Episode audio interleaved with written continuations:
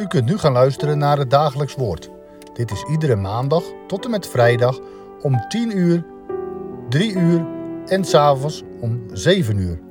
Deze meditatie wordt verzorgd door dominee van Zanden.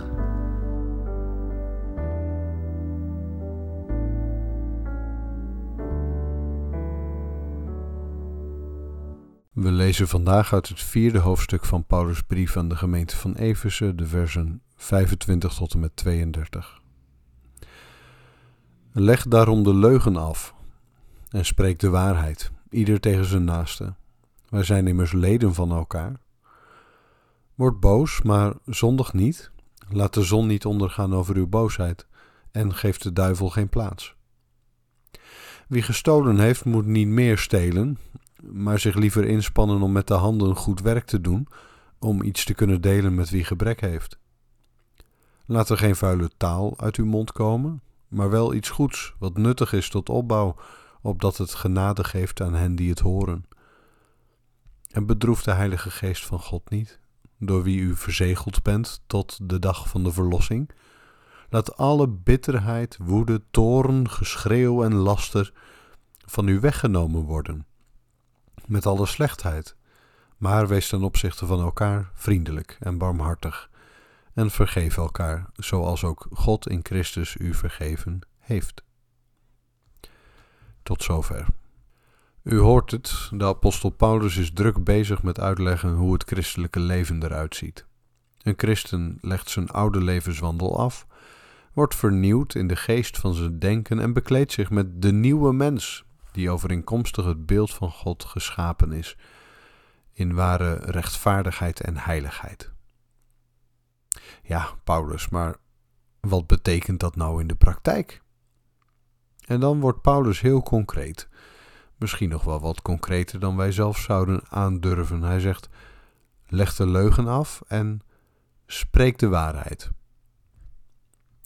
Het eerste wat wij doen, althans waar velen van ons toe geneigd zijn, is meteen te gaan bedenken in welke situatie we daar misschien een uitzondering op zouden kunnen maken. Spreek de waarheid. En al snel komen we aan met een op de voordeur kloppende Duitser die vraagt naar de onderduikers die wij op zolder hebben. Nee, zegt Paulus, voordat je met allerlei mitsen en maren aankomt zetten die je het gemakkelijk maken om dit soort dingen een beetje naar eigen inzicht en naar eigen voordeel om te buigen, houd het er nu eens gewoon bij. Leg de leugen af en spreek de waarheid. Dat geldt ook voor het volgende waar Paulus over begint. En daar zou ik vandaag iets langer met u bij stil willen staan. Het staat in vers 26: Word boos en zondig niet. Laat de zon niet ondergaan over uw boosheid en geef de duivel geen plaats. Word boos. Staat dat er echt? Ja, dat staat er echt. Word boos. Dus niet als je soms onbedoeld een klein beetje boos wordt, dan. Nee, word boos. Doe dat. Maar zijn christenen niet nooit boos? Een echte christen is toch altijd blij en vrolijk? En nee, zegt Paulus, het is in sommige gevallen je christenplicht om boos te zijn. De kanttekening bij dit vers op de Statenvertaling verklaart het wel aardig. Daar staat het volgende: Met deze woorden uit de vierde psalm verbiedt de apostel niet alle gramschap. Want zulke bewegingen zijn van God in het hart geschapen. En soms wordt ook God en Christus gramschap toegeschreven, namelijk over de zonde en de ondankbaarheid van de mensen. Maar dit is de mening van de apostel dat als er rechtvaardige oorzaken van boosheid gegeven worden, dat die de maat niet te buiten moeten gaan en ook niet te lang moeten duren, maar snel weer neergelegd worden. Dus woede, boosheid, is prima. De Heere heeft dat zo geschapen dat wij boos kunnen worden. Als onze woede gericht is op het verdedigen van het goede, of als het dient om iets aan te vallen wat het goede bedreigt, dan is woede goed en heilzaam. Misschien is het daarom zo slecht nog niet om onze eigen woede ook eens eerlijk onder ogen te komen. En niet meteen te zeggen dat we niet boos zijn als we wel boos zijn. Ik ben niet boos, zegt een vrouw tegen haar man. Ik ben gewoon teleurgesteld. Ja, dat is een dodelijke opmerking. En waarschijnlijk is het ook niet helemaal waar, want je bent gewoon wel boos op je man. Nou, noem het dan ook maar gewoon zo. Ik ben niet boos, ik vind het gewoon niet eerlijk, zegt iemand die iets gekocht heeft op Marktplaats, wat niet helemaal in orde bleek te zijn. Ja, en dus ben je boos. Het is niet erg om boos te zijn, kwaad of toornig. Daar zijn vaak goede redenen voor. Kijk, als een christen niet kwaad wordt van het onrecht dat mensen elkaar aandoen, dan klopt er iets niet. Als een christen niet boos wordt van alles wat er misgaat in de wereld en om oorlogen en honger en ander onrecht, dan klopt er iets niet. Dus word boos. Maar, zo waarschuwt Paulus ons wel, zondig niet. Het is heel gemakkelijk om te zondigen als je boos bent. En dan kan woede vernietigend zijn. Als je het ergens mee vergelijken wil, vergelijk het dan met de nucleaire energie die gebruikt wordt in een kerncentrale. Zolang die energie in de centrale blijft, gaat het helemaal goed en is het nuttig. Maar zodra die energie buiten de centrale treedt, gaat het helemaal mis. Dan is het een ramp.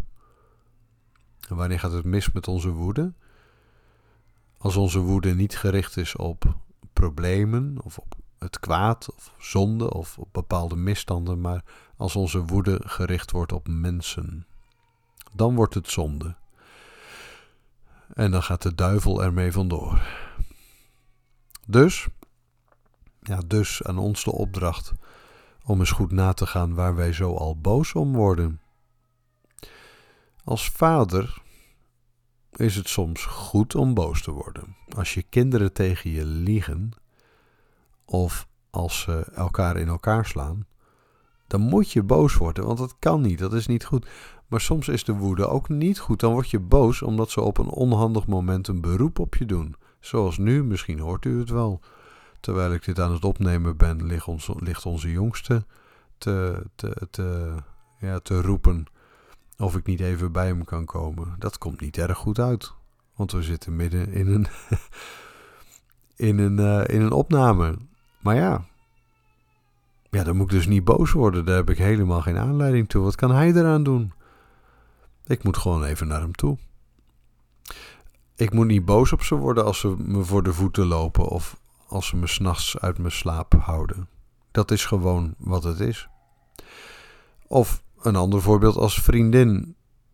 Is het soms goed om boos te worden op die andere vriendin van jou? Als je merkt dat zij zichzelf beschadigt door wat ze aan het doen is, ja, dan is je woede terecht. Maar soms ook niet, als ze je hart bij je uitstort, maar als jij zelf slecht geslapen hebt en eigenlijk helemaal geen zin hebt in dat soort gesprekken. Nou ja, vult u het maar aan. Word boos, zegt Paulus, maar zondig niet. Laat de zon niet ondergaan over uw boosheid. Voordat ik naar onze jongste ga, wil ik graag nog afsluiten met gebed.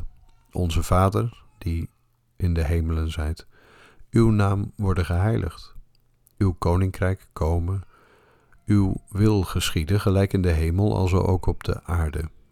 Geef ons heden ons dagelijks brood. En vergeef ons onze schulden, gelijk ook wij vergeven onze schuldenaren. En leid ons niet in verzoeking, maar verlos ons van de boze. Want uw is het koninkrijk en de kracht en de heerlijkheid in der eeuwigheid. Amen.